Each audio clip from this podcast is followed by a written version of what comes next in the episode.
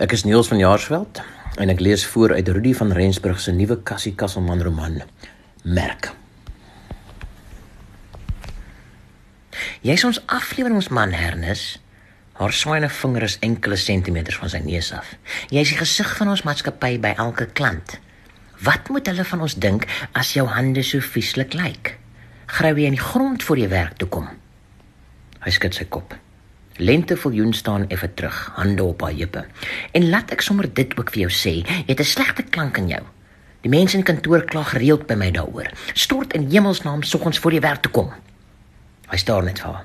Verstaan ons mekaar, Ernest, of is dit te veel gevra? Nee, juffrou Viljoen, dis nie te veel gevra nie, sê hy skor. Reg dan. Ek wil nie weer daaroor praat nie. Hy hou haar dop toe sy wegstap na haar kantoor. Sy swaai haar boude soos 'n blerrie model. Hy haat haar soort.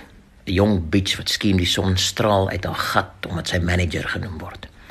Wat sal hy nie gee om haar in daai lang hare beet te kry en met die ander hand. Hy skud sy kop vies. Moenie eers daaraan dink nie. Brevel hy. Too close to home. Cassie klim sigtend van die skaal af. Hy is nou presies 8 kg swaarder as 6 maande gelede. Gister toe hy in die huisbak instap, het hy homself vir 'n flitende oomblik nie in die spieël herken nie. Dit was hy al se skok. Nou beskou hy hom in die badkamer spieël. Die lang wit operasie letsel wat oor sy bors kronkel, vang sy oog altyd eerste, maar dit ontstel hom nie meer so erg soos aan die begin nie. Sy blik sak laer af en steek vas by sy maag. Dis waar daai kilogramme gaan sit het. Lyk kompleet of hy pregnant is. 'n Komieklike boepens wat deur twee rietskraalbene regop gehou word. What a bloody sight. Hy draai skuins sodat hy na sy profiel kan kyk. Minstens 6 maande swanger? Dalk darm nie so erg nie. 4 maande? Hy trek sy maak in.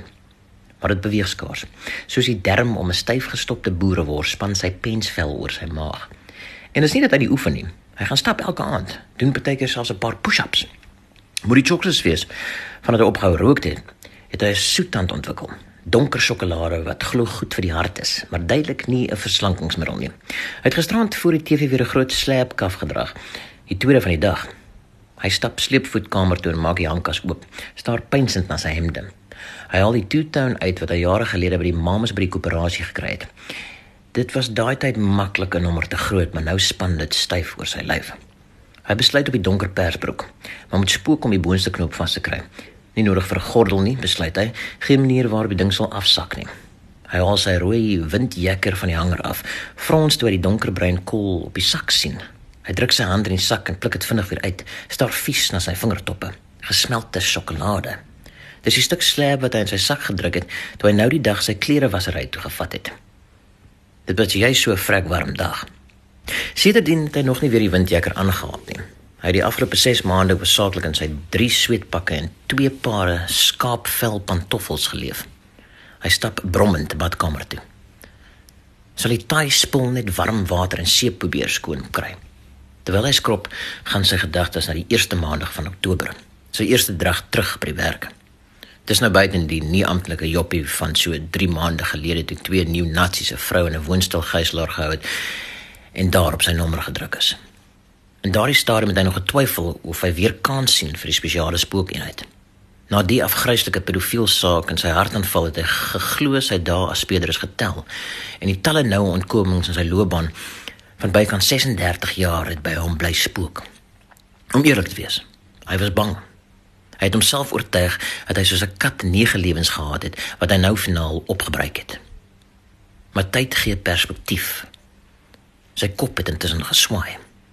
In die eerste 4 maande van sy siekteverlof het hy geglo hy is in die paradys omdat hy ongestoord kon werk aan die katalogisering van sy possielversameling. Dis die lewe waar hy nog altyd gesmag het en homself wys gemaak. Aftrede was 'n aantreklike opsie. Dis eers in die laaste 2 maande dat hy tot ander insigte gekom het. As hy nou op 54 aftree, gaan sy pensioengeld nie genoeg wees om sy sielversameling uit te brei soos hy beplan nie. Dit word 'n dierstokperdjie as jy op veilinge vir gesogte seels met B teen die land se verlattelie glitterati. Genoeg geld om met 'n greyhound bus by al die landswye seeluitstallings uit te kom, gaan hy ook nie hê nie. Maar in werklikheid was die seels nie die belangrikste rede vir sy regsomkeer nie. Hy het hom al meer betrap dat hy saans vasgenaal voor DStv sit op soek na reekse oor speeders of dokumentêre programme oor onopgeloste misdade. Dit het spontaan gebeur, so asof daardie wêreld hom uit die blou te begin roep, amper asof sy wetstoepassing drang opnuut geaktiveer is. Die nare gedagtes aan sy noue ontkomings het vervaag en hy het die opwinding en, en adrenalien van sy werk gemis. Sy geliefde stokperdjie sou nie as plaasvervanger daar, daarvoor kon dien nie. Hy is eers in sy speder in murg en been en daarna is hy 'n ywerige sielversamelaar. Daarom Die brigadier Shahina Fortuin om 3 weke gelede bel om te hoor of hy finaal oor sy toekoms besin het, kon hy haar dadelik verseker dat hy slaggereed is om te begin. Halleluja, my gebede is verhoor, het sy bevelvoerder uitgeroep, wat hom nog beter oor sy besluit laat voel het. Hy frons oor die druppende windjeker. Die kol is nie weg nie. Maar dit moet vir eers doen. Net gou by buurvrou Rita haar hader oorleen om die ding droog te blaas. Sal bra sleg lyk om met so 'n moerse nat kol op sy sak by die werk op te daag.